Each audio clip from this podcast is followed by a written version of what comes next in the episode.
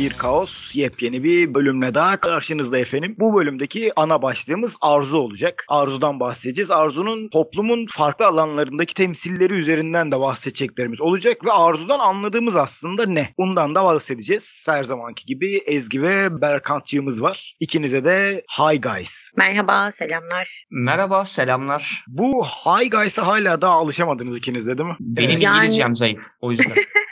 Yani ben de böyle bir hay falan desem mi demesem mi diye ikilemde kalıyorum her seferinde. Sonra böyle bir klişeye bağladık diye böyle merhaba, selamlar ya da selamlar merhaba falan gibi.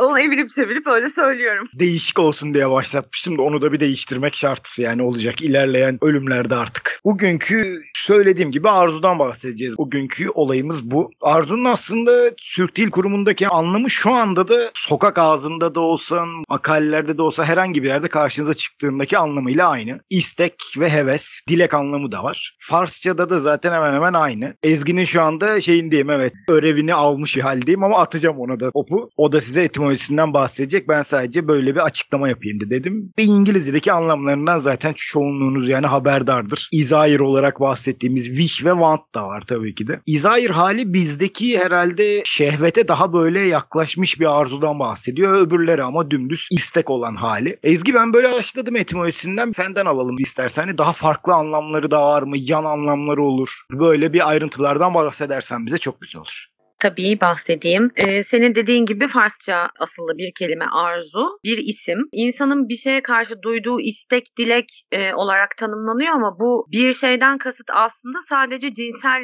istekle bağlantılı şeyler için arzuyu kullanıyoruz biz. Türk Dil Kurumu anlamından bahsetmiştin. Hani istek, dilek, heves olarak tanımlamış onlar. Mesela herhangi bir cinsel istekle bağlantılı bir tanımlamada bulunmamışlar. Bu enteresan. Nişanyan Sözlük'te de aynı şekilde cinsel istek özellikle belirtilmiş tanımlamada. Ee, ilk kez karşılaştığımız kaynaksa Kutatku Bilik 1069 yılında o zamandan beri dilimizde olan bir sözcük. Ee, yani dilek yerine arzuyu kullanmak belki gündelik yaşantıda konuşurken sıklıkla düştüğümüz tırnak içinde bir hata belki ama dediğim gibi daha çok cinsel istekler için kullandığımız ya da kullanmamız gereken bir kelime. Ben böyle bakmıyorum aslında. Belki bu şeyden olabilir. Diller arasındaki etkileşimden olabilir. Arzuya çünkü hani antik Yunan'dan da azıcık ben araştırdım. Çoğunlukla cinsel olarak değil, insanın bir istekleri olarak bakmıştı. Yani bizim şu anda hani şehvetle bir arzuyu ayırt edememiz gibi. Onlar aslında arzuyla bir isteği de ayırt edememiş gibi.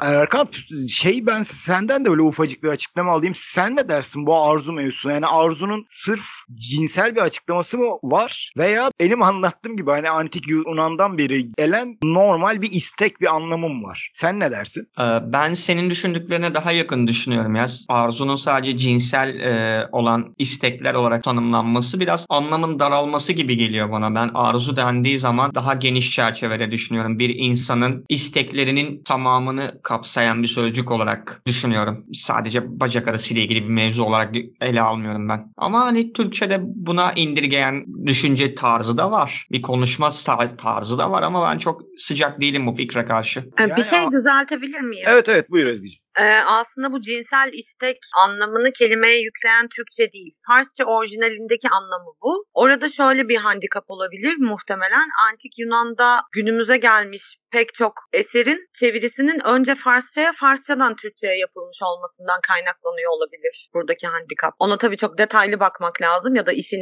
uzmanına danışmak lazım ama hani bu Türkçeden değil kaynaklanıyorsa eğer Farsçadan kaynaklanıyordur Ee, ya da biz Farsçadan Türkçe'ye transfer ederken hem anlamını daraltmış olabiliriz sadece böyle de almış olabiliriz Ee, ya da bir yan anlam gibi eklemiş olabiliriz ya da anlam kaymasına uğramış bir kelime de olabilir. Onu bir bilene sormak lazım. Doğru aslında burada boştan böyle bir atmayalım. Bir de şey de var. Farsçadan ve Arapçadan aldığımız bizim eş anlamlı olan kelimelere bir yüklediğimiz anlam şu an için yani bir yüklediğimiz anlamlar da çok farklı. Şehvetle arzu arasındaki fark o zaman yok gibi oluyor böyle bahsedersek. Ama şehvet aslında cinsel bir istek olabilir. Arzu hayatta hayattaki bir isteklerin ve ideallerin anlamına daha yakın bile olabilir ama tabii ki de Ezgi'nin bahsettiği gibi hani bir bilene sormak daha mantıklı. Abi Berkan tabii döneceğim. Antik Yunan'daki arzudan bahsettik. Ben şeyle sana bir yol açayım sen bence oradan ayağa bir ilerleyeceksin. İlato'nun baktığı bir açı var. Zaten verdiği bir örnekte bugünlere kadar inanılmaz popülerleşerek bir gelmiş bir örnek. At arabası örneği. İki tane atın çektiği ve bir sürücüsü olan bir at arabasından bahsediyor. Atlardan biri coşku, atların öbürü arzular, ürücü de akıl. Yani akıl ve yönlendirme kabiliyeti gibi bir laf da ediyor orada. Yani bir ruhu oluşturanın komple at arabası olduğundan bahsediyor. Yani arzuya benim de aslında baktığım açı bu. Arzu dizginlenmesi gereken bir şey.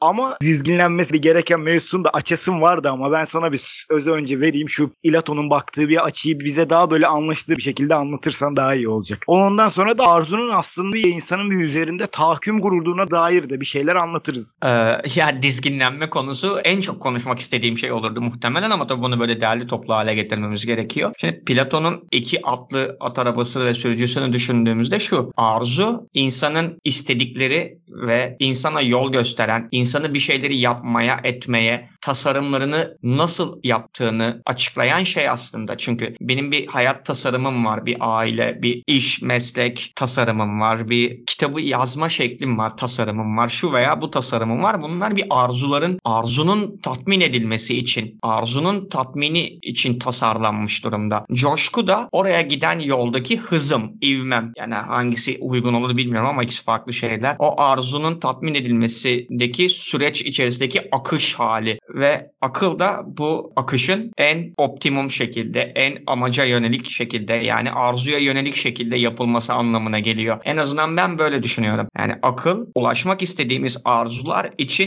coşkuyu en uygun şekilde kullanan merci oluyor diye düşünüyorum ben. Platon'un açıklamasından bunu çıkarıyorum. Veya şöyle bir açısı da olabilir bunun. Coşku ve arzunun çektiği bir yolda, daha doğrusu ittiği bir yolda insanı doğru yola sevk edebilecek olan akıldır da olabilir. Hepsini birleştirdiğinde zaten ruhu elde ettiğine inanıyor. Yani ruhun ben daha iyi bir açıklamasını okuduğuma inanmıyorum abi.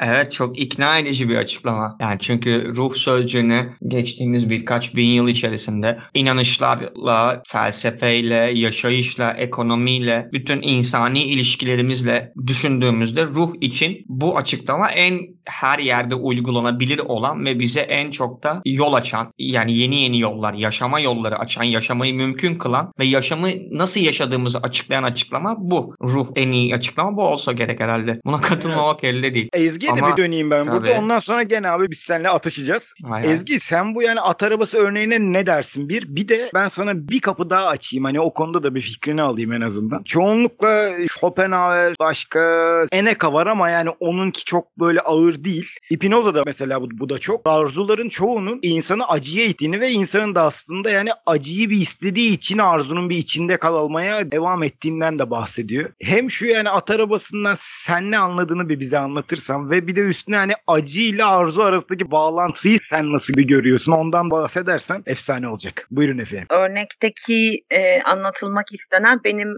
de daima e, iddia ettiğim gibi akılla her şeyi kontrol edebileceğin, kendine dair her şeyi akılla kontrol edebileceğin ya da bile isteye kontrolsüz bırakıp artık dizginlerinden boşalmış gibi dört nala ne yapmak istiyorsan onu yapabileceğin e, yönünde olur. Ki hani arzuyu dizginlemek meselesini belki birazdan biraz daha açarız ama en azından akılla dizginlenebileceği zaten at arabasını kullananın akıl olduğunu düşünecek olursak tam yerinde benim baktığım bakış açısını en derli toplu anlatan örnek olmuş olur diye düşünüyorum. Bu hani arzulara teslim olmak ve acı konusunda söyleyebileceğim sanırım birkaç tane böyle edebiyattan örnek var e, aklıma gelen aslında. Hani Mehmet Rauf'un meşhur işte Eylül romanında arzularına teslim olup olmamak. Şimdi kitapla ilgili belki okumamış olan vardır. O yüzden sonunu söylememiş olayım ama o arzuyla mücadele, onu ona karşı koymaya çalışmak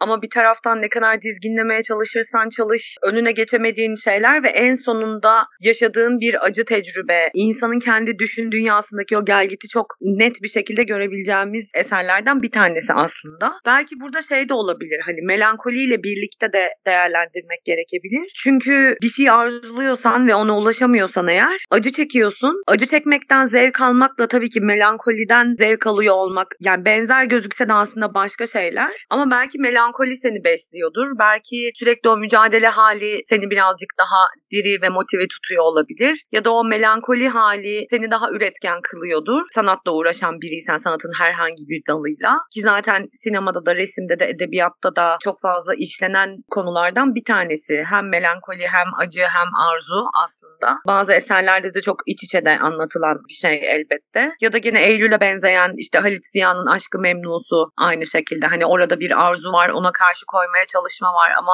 sonunda artık o arzuyu dizginlememek ve her şeyi ne olacaksa olsun yahu noktasına getirdikten sonra olup bitenler var. Tabi dizi olan versiyonundan bahsetmiyorum elbette hani kitap olan versiyonundan bahsediyorum ama belki sadece dizi izlemiş olanlar vardı. Orada da çok bariz bir şekilde gözlemlenebiliyordu zaten. Söyleyebileceklerim şimdilik bunlar olur. Teşekkürler efendim. Sanattaki arzuya zaten bambaşka bir şeyde değineceğiz. Ee, yani o değinmede de zaten bir Ezgi'ye vereceğiz sözü. Birazcık daha şu arzu ve acı arasındaki bağlantıyı bir değişsek Berkant. Özellikle hani Ezgi aslında başka bir gözle baktı orada. Melankolinin de bu arzu ve acı arasındaki dengeyi ayarlamada olumsuza düştüğümüz anlarda ürettiğimiz bir bir şey olduğundan bahsetti gibi anladım ben. Burada yalnız şöyle bir şey var. Antik Yunan'da da çoğu zaten zaten felsefecinin de anlattığı şu arzunun bitmeyeceği, sınırsız olduğu ve bir arzuyu doldurduğunda ve tatmin duygusuna eriştiğinde yepyenisi doğduğu için tatmin de olamayacağından bahsediyor. Zaten yani acıyı da doğuranın bu olduğundan bahsediyor çoğu. Sen ne dersin bu arzu ve acı arasındaki bağ? Antik Yunan'daki anlayışı şöyle düşünüyorum. Antik Yunan'da her şey insanın evrenle olan ilişkisi dahilinde düşünülüyor. Daha doğrusu bir uyumluluk meselesi. Doğru olanın evren evrensel ve tanrısal olanla uyumu olarak düşünülüyor. İyi olan da evrensel olanla uyum ve tanrısal olanla uyum. Güzel olan da yani doğru, iyi, güzel gibi üç temel sıfatın etrafında dönüyor tartışma Yunan felsefesinde benim gördüğüm kadarıyla. Arzu bir isteme yeteneği olarak sonsuz tanrısallıkla ve kainata karşı olan, kainata bakınca karşılaşılan sonsuzlukla değerlendiriliyor ve insanın da sürekli bir değişim ve dönüşüm içerisinde kalarak hemen her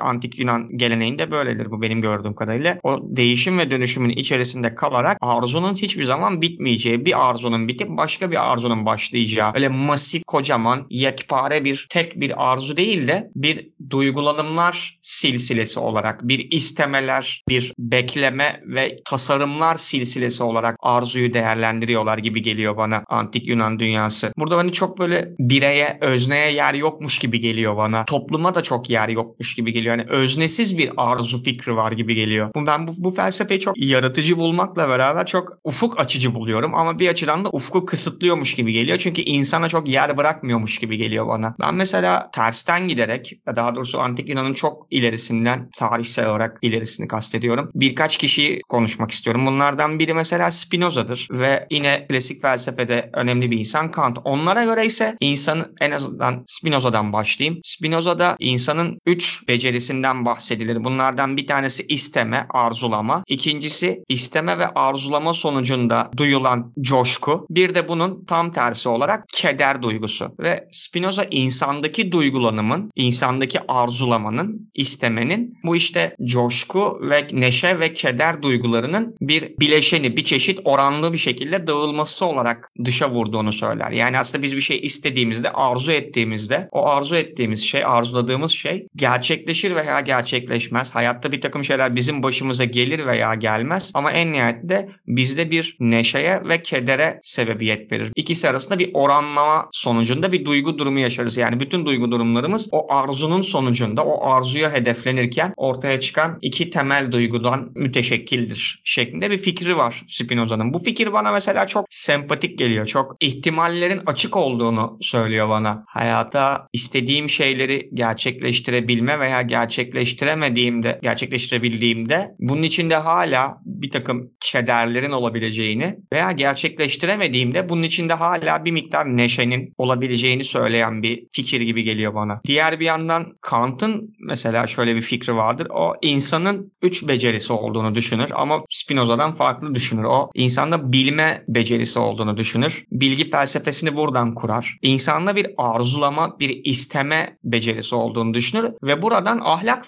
felsefesini kurar. Çünkü pratik olanın harekete geçtiğimizde arzuladığımız şeyi bir tasarım olduğunu söyler. Yani biz bir şeyi tasarlıyoruz. Bir bilgi biliyoruz. Bildiğimiz bilgiyle bir de dünyayı değiştirmeye çalışıyoruz. Bir tasarı ortaya koymaya çalışıyoruz. Ama bu tasarımı ne ölçüde gerçekleştirebiliriz? Arzumuzu ne ölçüde gerçekleştirebileceğiz? Bu da pratik bir sorun. Yani ahlaki bir sorundur demeye getiriyor Kant galiba. Arzudan ahlaka giden bir yol kuruyor. Ve bir de bütün bu bilgilerimizi bilebilmemiz ve bazı şeyleri arzulayabilmemizi sağlayan temel bir becerisi daha var insanda. O da duyumsama becerisi. Yani duyular, beş duyu ve sezgisel duyudan bahsediyorum. Ve buradan da bir konu çok apayrı yere gider ama estetik felsefesi kuruyor Spinoza. Hani bunu özür dilerim Kant. Bunu da konuşabiliriz ama şunu söyleyeyim. Aslında arzuladığımız şeyler duyumsama yeteneğimizin üzerine yaptığımız bir takım iç monologlardır gibi geliyor bana. Yani dünyayı duyumsuyoruz ve duyumsadıklarımızdan sonra onları değerlendiriyoruz. Kafamızın içerisinde onlardan bir acı veya keder, neşe veya hüzün devşirebileceğimizi düşünüp bir takım arzulamalara girişiyoruz gibi geliyor. Yani demek istediğim şey şu ki sanat arzuların gerçekleşmesi olmayabilir. Sanat arzulama aygıtımız olabilir. Aslında biz sanat olduğunu düşündüğümüz edebiyat, resim, müzik vesaireyi tüketerek arzuluyoruz. Arzuladığımız için onları üretmiyor olabiliriz gibi bir şey söylesem ne olur acaba? Ezgi'ye bence burada sözü verelim ve ehlinden bir duyalım bence. Bu ne olur Ezgi? Ben çok özür dilerim. Tam o esnada bir not alıyordum. O yüzden soruyu tam duyamadım. Soruyu tekrar alabilir miyim? Diyorum ki aslında biz duyumsama yeteneğimiz vardır. Dış dünyayı duyarız, duyumsarız bileşenleriyle. Zihnimizin içinde bir tasarım oluşur. Ha, o Dünyayı kısmını zih- komple dinledim. Ha. Sadece soru Tamam. cümlesini alabilirsen. Ha soru şu. Sanat aslında bizim arzularımızın dışa vurumu değildir. Biz sanatsal olduğu söylenen eserleri veya üretimleri tüketerek arzulayabilen canlılarız. En azından son 200 yıldır. Biz arzularımız sayesinde üretmiyoruz da ürettiklerimiz sayesinde arzulamaya devam ediyoruz diyorum. Özellikle sanat eserleri için diyorum ama bu mümkün mü? Acaba böyle mi? Şöyle aslında sanat üreticisi değil de tüketicisinin tarafından bakarsan bu evet böyle ama üretici için her zaman için zaten o eseri ortaya çıkartmak en büyük arzusu. Daha doğrusu tek başına eseri ortaya çıkartmak değil ama orada herhangi bir bestede, bir resimde, heykelde, metinde orada zaten o kendi bambaşka bir arzusunu sana anlatma derdinde ve o ürünü ortaya çıkartma derdinde. Ama tüketici tarafından baktığın zaman sadece dinlediğin hani müzik özelinde konuşayım daha rahat ahkam kesebilirim. Dinlediğin herhangi bir parça senin arzularını tetikliyor olabilir dinlediğinde. Fakat zaten besteci tarafından baktığın zaman hem onu bestelemek hem de o besteyi yaparken bambaşka bir arzusunu sana konuşmadan anlatabilmek onun derdi. Bilmiyorum derdi toplu anlatabildiğimden çok emin değilim ama yalnız son 200 yıl çok uzun bir zaman gibi gelir bana. Hani son 100 yıl desek anlaşabiliriz belki.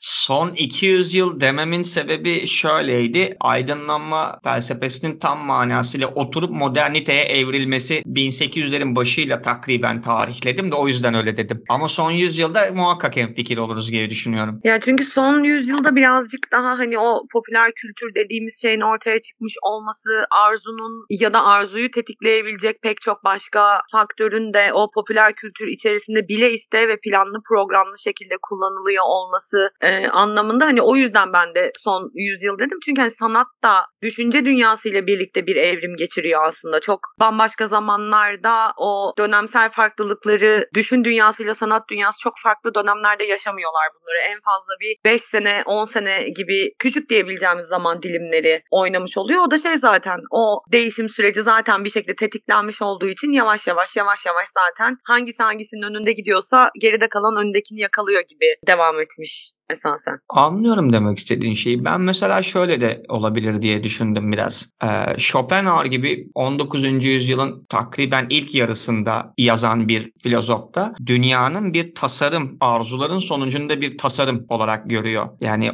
onun ünlü yapıtının adını şu anda hatırlayamayacağım. Gerçekten üzgünüm. Tasarım ve istenç olarak dünya gibi bir adı vardı eserin. Ama insanın dünyayı tasarlayan bir şey olduğunu ve dünyayı böyle çok geniş anlamıyla almak gerekiyor tabii. İstekleri ve arzuları doğrultusunda tasarladığını düşünüyor. Ve ben şöyle fikrimi de savunmaya çalışacağım. Aslında bir sanat eserini üretmeye çalışan herhangi bir sanatçı da arzusu sebebiyle üretiyor. Yani önce arzuluyor sonra sanat eseri üretiyormuş gibi geliyor. Kabul ediyorum ama ben şöyle olduğunu düşünüyorum her şeye rağmen. Hani açıklayamıyorum ya şu an çok havada kaldı anlatmak istediğim şey. İsmail sen devreye gir. adamı bitti evet.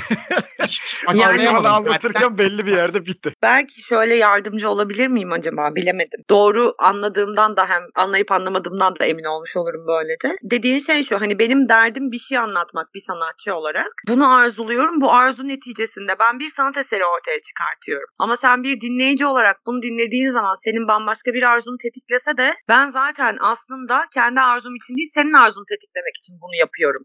Bunu mu söylemek istedin? Ben doğru mu anladım? Ee, Bireysel olarak bence ona bakmadı ama insan olarak sadece baktı. Kısmen evet. Berkant'ın anlattığı bence şu. Arzuların esiriyiz. Arzular hem üretilir hem tüketilebilir. Zaten çevremizdeki dünyayı ve algılayabildiğimiz dünyayı da oluşturan budur diyor. Hani ister sanatçı ol, ister başka bir şey ol, ister normal bir insan ol çok da önemi yok diyor gibi anlıyorum ben. Yani burada arzunun amaç da olabileceğini, araç da olabileceğinden bahsediyor. Oppenhauer örneği zaten çoğunlukla bir özetleyen hali. Çünkü yani onun laflarından birisiydi. Yani arzuların sınırsız olduğu ve her zaman da yepyenisini doğuracağı onun lafı. Erkant ben de doğru anlamış mıyım? İstersen bir de sen onu okey evet, E- evet evet bu daha makul. Ya bu daha yakın söylemek istediğim. Ee, Benim söylediklerimden Ezgi'nin söylediği ikinci, üçüncü yıl çıkarım olabilirdi. Birinci söylemek istediğim şey buydu ama. Biraz dağıtarak oldu ama ilk söylemek istediğim şey buydu. O zaman ben bir toparlama da geçmiş olayım ardından da bir Ezgi'ye vereyim. Arzuların esiri olduğumuz bence net. Arzuların esiri olup bunu tahakküme değil de dizginlenebilen bir bir şeye, eğitilebilen bir şeye bir döndürmek en mantıklısı olacak. Özellikle hani modernizmden sonraki insan hayatı için. Ezgi peki hani böyle bahsettik popüler kültür falan. Sanatta arzu dediğimizde verebileceğin bize ne var senin bir örnek olarak? E yani senin bize anlatacaklarıyla biz belki de sanatta arzuyu daha net algılarız. Buyurun efendim. Ya tabii bir çuval dolusu şey dökülebilir şu anda ama ben çok hani derli toplu ve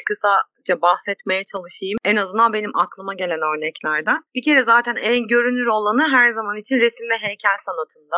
Arzu nesnesi olarak insan ya da bambaşka materyaller kullanarak ressamlar müthiş eserler ortaya koymuşlar ve hepsi çok iyi bildiğimiz ressamlar. Yani çok iyi bildiğimiz derken en azından adını duymuşuzdur eserlerini bilmiyorsak bile ama çoğunun çok da karşılaşmadığımız çok acayip çalışmaları var. Manet, Renoir, Osman Hamdi Bey hatta Osman Hamdi Bey ile ilgili böyle vaktiyle de çok fazla tartışma çıkmıştı. Belki dinleyenler oradan da hatırlar. Rodin bir heykeltıraş olarak zaten arzuyu herhalde mükemmele yakın yontabilen heykeltıraş diyebiliriz sanırım. Dali, Picasso, Klimt hemen hepsi yani arzuyla ilgili öyle çalışmalar yapmışlar ki en bilinen eserlerinin içerisinde belki çok fazla bunu net şekilde göremiyoruz ama bir artık şey yapılabilirse bu podcast olduğu için tabii ki görsel gösterme şansımız yok şu anda ama en azından bu saydığım isimlerin genel olarak bütün tablolarına bakarsanız, bütün çalışmalarına bakarsanız arzuyu olanca şehvetiyle, olanca ihtirasıyla ve olanca çıplaklığıyla anlatan pek çok çalışmaları var. Ee,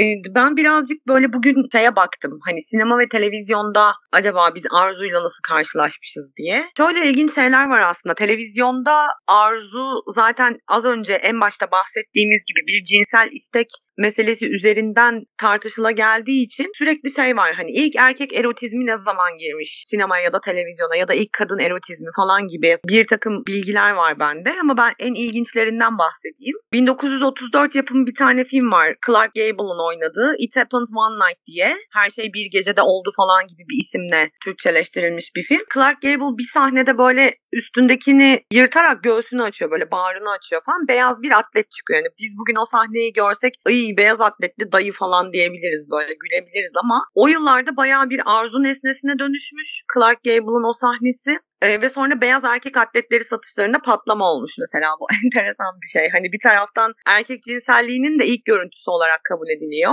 sinema ve televizyonda.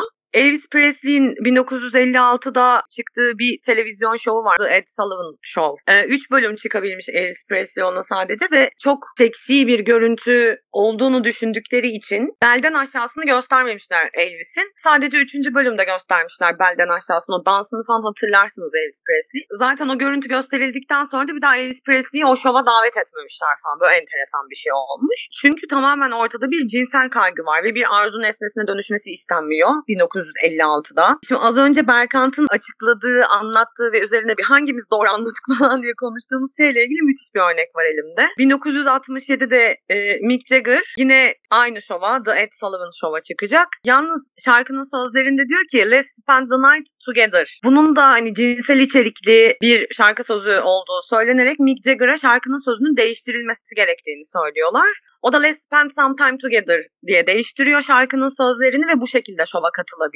Tam bu noktada şey var aslında hani adamın anlatmak istediği derdi bambaşka, oradaki arzusu bambaşka ama bir başka arzusunu gerçekleştirip o televizyon şovuna çıkabilmek için bir otosansür uygulamak zorunda kalıyor gibi bir durum var. Böyle bir açmaz var bunda. Ee, bir de şimdi İsmail'in çok seveceği bir örneğim var. 1975'te Florida'da bir rahip var. Binlerce dolarlık plak yakmış bu rahip. Gerekçesi de şu halk arasında bir anket yaptığını iddia ediyor.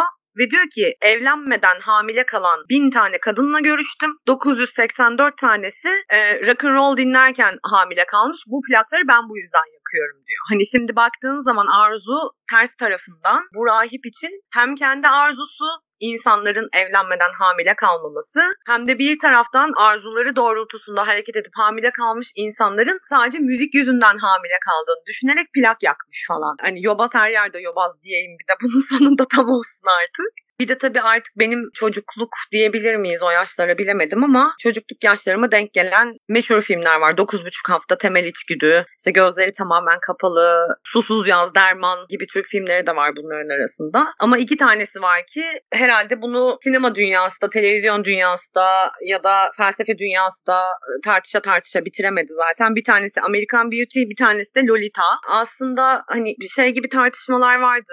Lolita'nın editörü olsaydınız kitabı basar mıydınız? Hani o dönemde size gelmiş olsaydı siz kitabı yayınlar mıydınız falan gibi tartışmalar dönüyor uzunca süredir. Lolita bence Arzu'nun ne olduğunu, nasıl onunla başa çıkılmaya çalışıldığını, nasıl dizginlenilmeye çalışıldığını, bunun başarılıp başarılamayacağını çok çarpıcı biçimde ortaya koyan bir metin. Tabii ki Lolita'nın tartışıldığı alan birazcık daha ahlak üzerinden tartışılan bir alan ama siz ne düşünürsünüz Lolita konusunda bilemedim. Ben de size sormuş olayım. Öbür örneklere göre daha net bir örnek bence bu. Öbürlerinde çünkü çoğunlukla muhafazakarlık ve cehalet var. Obakov'unkinde ama daha çok toplumun arzularına ters bir arzudan bahsediyoruz orada. Yani toplum kurallarına tamamen ters bir arzu var. O yüzden aslında orada yani tam bir arzudan da bahsedemiyorum ben. Yani toplum dışılık olabilir. Toplum kurallarına itaat etmemekten doğan bir şehvet olabilir. Yani dümdüz ben onu yani arzuyla eşlendiremiyorum tam. Erkant. Daha çok hatta bu yani ahlak felsefesiyle de alakalı yani olabilir. Ben eşleştiriyorum çünkü şu sebepten romanı çok daha yeni okudum ben. Bir buçuk iki ay oldu ben o romanı okuyalı. Yani şans eseri denk geldi. Daha önce de okumuştum da geçenlerde bir daha bir okudum. Şu sebepten eşleştiriyorum. Kitabın başında ana karakterin de adını unuttum bu arada yani. Şeyden bahsediyor o adam. Çocukluğundaki bir kız arkadaşıyla işte 13-14 yaşlarındaki kız arkadaşıyla sevgilisiyle olan yakınlaşmasının yarım kalmışlığından bahsediyor. Ve ilerleyen yıllarda da işte o kendi tabiriyle su perilerine küçük kızlar olan ilgisini de o yarım kalmışlığın bir uzantısı ve onu o yarım kalmışlığın tamamlanması için durdurak bilmeyen bir arayış olarak gösteriyor. Yani aslında buradaki arzu bir arayış. Her arzu da zaten bir arayış değil midir bir, bir ölçüde diye sormak istiyorum ben. O yüzden o adamın arzusunun bir arzu olduğunu düşünüyorum. Arzu değildir diyemem ben. Ha bu arzu tatmin edilmesi gereken bir arzu mudur diye sorarsan işte o zaman toplumsallık ve kültürelleşme, kültürleşme gibi konulara değinmemiz gerekiyor. Evet tabii ki de bu arzu tatmin edilebilecek, doyurulabilecek bir arzu değil. Ama bu arzu olmadığı anlamına gelmez. Bir gün çok sinirlenen ve çıldıran, cinnet geçiren bir adamın da bir kadının da birilerini öldürmek istediği, istemediğini düşünmek çok iyimser olur. Muhakkak birileri dünyanın bir yerinde ve bir zamanında birilerini öldürmeyi arzulamış olabilir, istemiş olabilir. Zaten bunu dışa vurduğunda birisine yönelik olarak yaparsa bu eylemi bunun adına cinayet diyoruz. Kendine yönelik yaparsa intihar diyoruz. Kendini öldürmek de yani intihar etmek de bir arzulamanın sonucudur bana sorarsan. Hayatı arzulamanın ama kendini bitirmeyi arzulamaktır. Böyle bir yorumum var benim. Lolita örneği bu açıdan değerlendirilebilir ve o romanın basılması bence çok gereklilik. Basılmaması bir problem olurdu. Bir şeyin olmadığını iddia edebilmeniz mümkün değildir. Bir şey dile geldikten sonra o zaten vardır ki dile gelmiştir şeklinde bir yaklaşımım var benim. O yüzden de böyle bir şey dile gelmişse zaten toplumun içerisinde işleyen bir dinamiktir bu. Doğal olarak yazılmaması bir problem olurdu. Kafayı kuma gömmenin hiçbir esprisi yok. Hiçbir faydası yok. Hatta zararı var var. Yazana da yazılmasını onaylayan editör ekibine de yayıncı ekibe de teşekkür etmek lazım. Bugün çok daha zor kitap, çok daha basit kitapların basılamadığı bir dünyada o kitabın basılmış olmasını takdir etmek lazım bence. Onudan gitgide bir uzaklaştığımız bir bölüm oluyor. Bence evet. daha da bir uzaklaştırmayalım abi. Ben ikinizden evet. de son sözlerinize evet şey yapayım. Çünkü olay artık arzudan çıktı. Ona göre bir hastalık olan bir şeyin normalleştirilmesine kadar bir ilerliyor. Ezgi'ye ben bir son sözü vereyim. Hayır, normalleştirmedim. Bu benim baktığım abi açı yani. Sen kendi baktığın açıyı anlattın. Ben de kendiminkini yani edebiyatçıya da değil hasta hastadır. Bir benim de baktığım açı bu. Ezgi'cim senden bir son sözlerini alayım ardından Berkant'tan alırız ve ağır ağır bitiririz. Ben e, şöyle toparlamış olayım. Bugün böyle hızlıca göz attığım bir kitap vardı. Müslüman Osmanlı toplumunda Arzu ve Aşk diye bir kitap. Dror Zevi'nin kitabı. Umarım adını doğru söylüyorumdur bu arada. Kitap yayın evinden çıkan 2007 basım çok güzel e, ve çok aydınlatıcı bir kitap. O daha çok Osmanlı'daki arzu ve aşkı hukuki kurallarla ve toplumsal kurallarla hani hukuk şeriat daha doğrusu ve toplumsal kurallarla arzuları nasıl kısıtladığımızla ya da kısıtlamadığımızla alakalı bir bakış açısı. O, o anlamda az önce Berkant'ın söylediklerine çok benzer düşünüyorum ben de. Var olan bir şeyi doğrudur diye söylemiyoruz tabii ki ama var olan bir şey yok saymak onun maalesef yok olmasına sebep olmuyor. Arzu en nihayetinde arzu ama hangisi dizginlenmeli hangisi dizginlenmemeli? Çünkü bir bambaşka bir bakış açısından baktığınız zaman da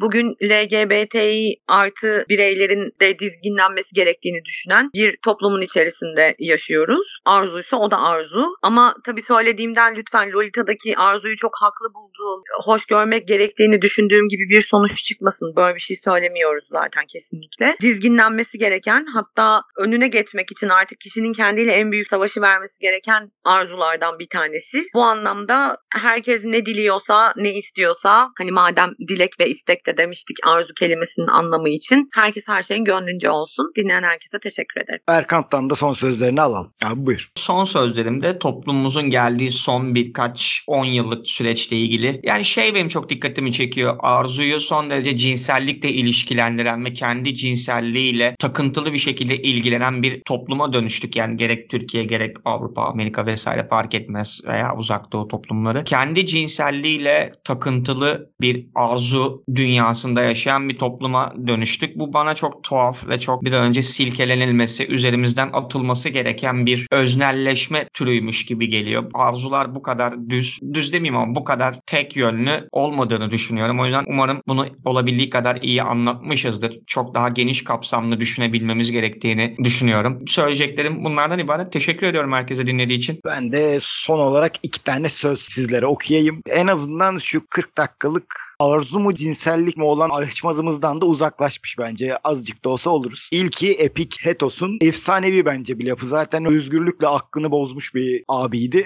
Korku, arzu ve istekleri altında ezilen herhangi birisi köleden başka bir şey değildir diyor. İkincisi de Udizmin aslında 2-3 tane yani ana başlığından birisi. Her acı arzudan kaynaklanır. Benim de aslında yani az çok yani hayata baktığım açı hemen hemen böyle. Zaten antik Yunan'daki o dümdüz arzuya baktıkları açıya da çok fazla sahiplenmiş biriyim. Ama tabii hangi arzular dizginlenmeli, hangileri dizginlenmemeli olayı toplumsal gerçeklere karşı çoğunlukla dizginlenmeli olarak bir düzeltilebilir. Sonuçta toplumların kuralları tamamen ayrı. Çok tartışmalı aslında bu. Yani arzuyu cinselliğe indirgeyip de açıklama yaptığımızda konu bambaşka yerlere gitti. Bir umarım siz de dinlediğinizde hoşunuza giden ayrıntıları bir edinmişsinizdir. İyi bölümümüz daha böylelikle bitti. Kendinize dikkat edin. Bye bye.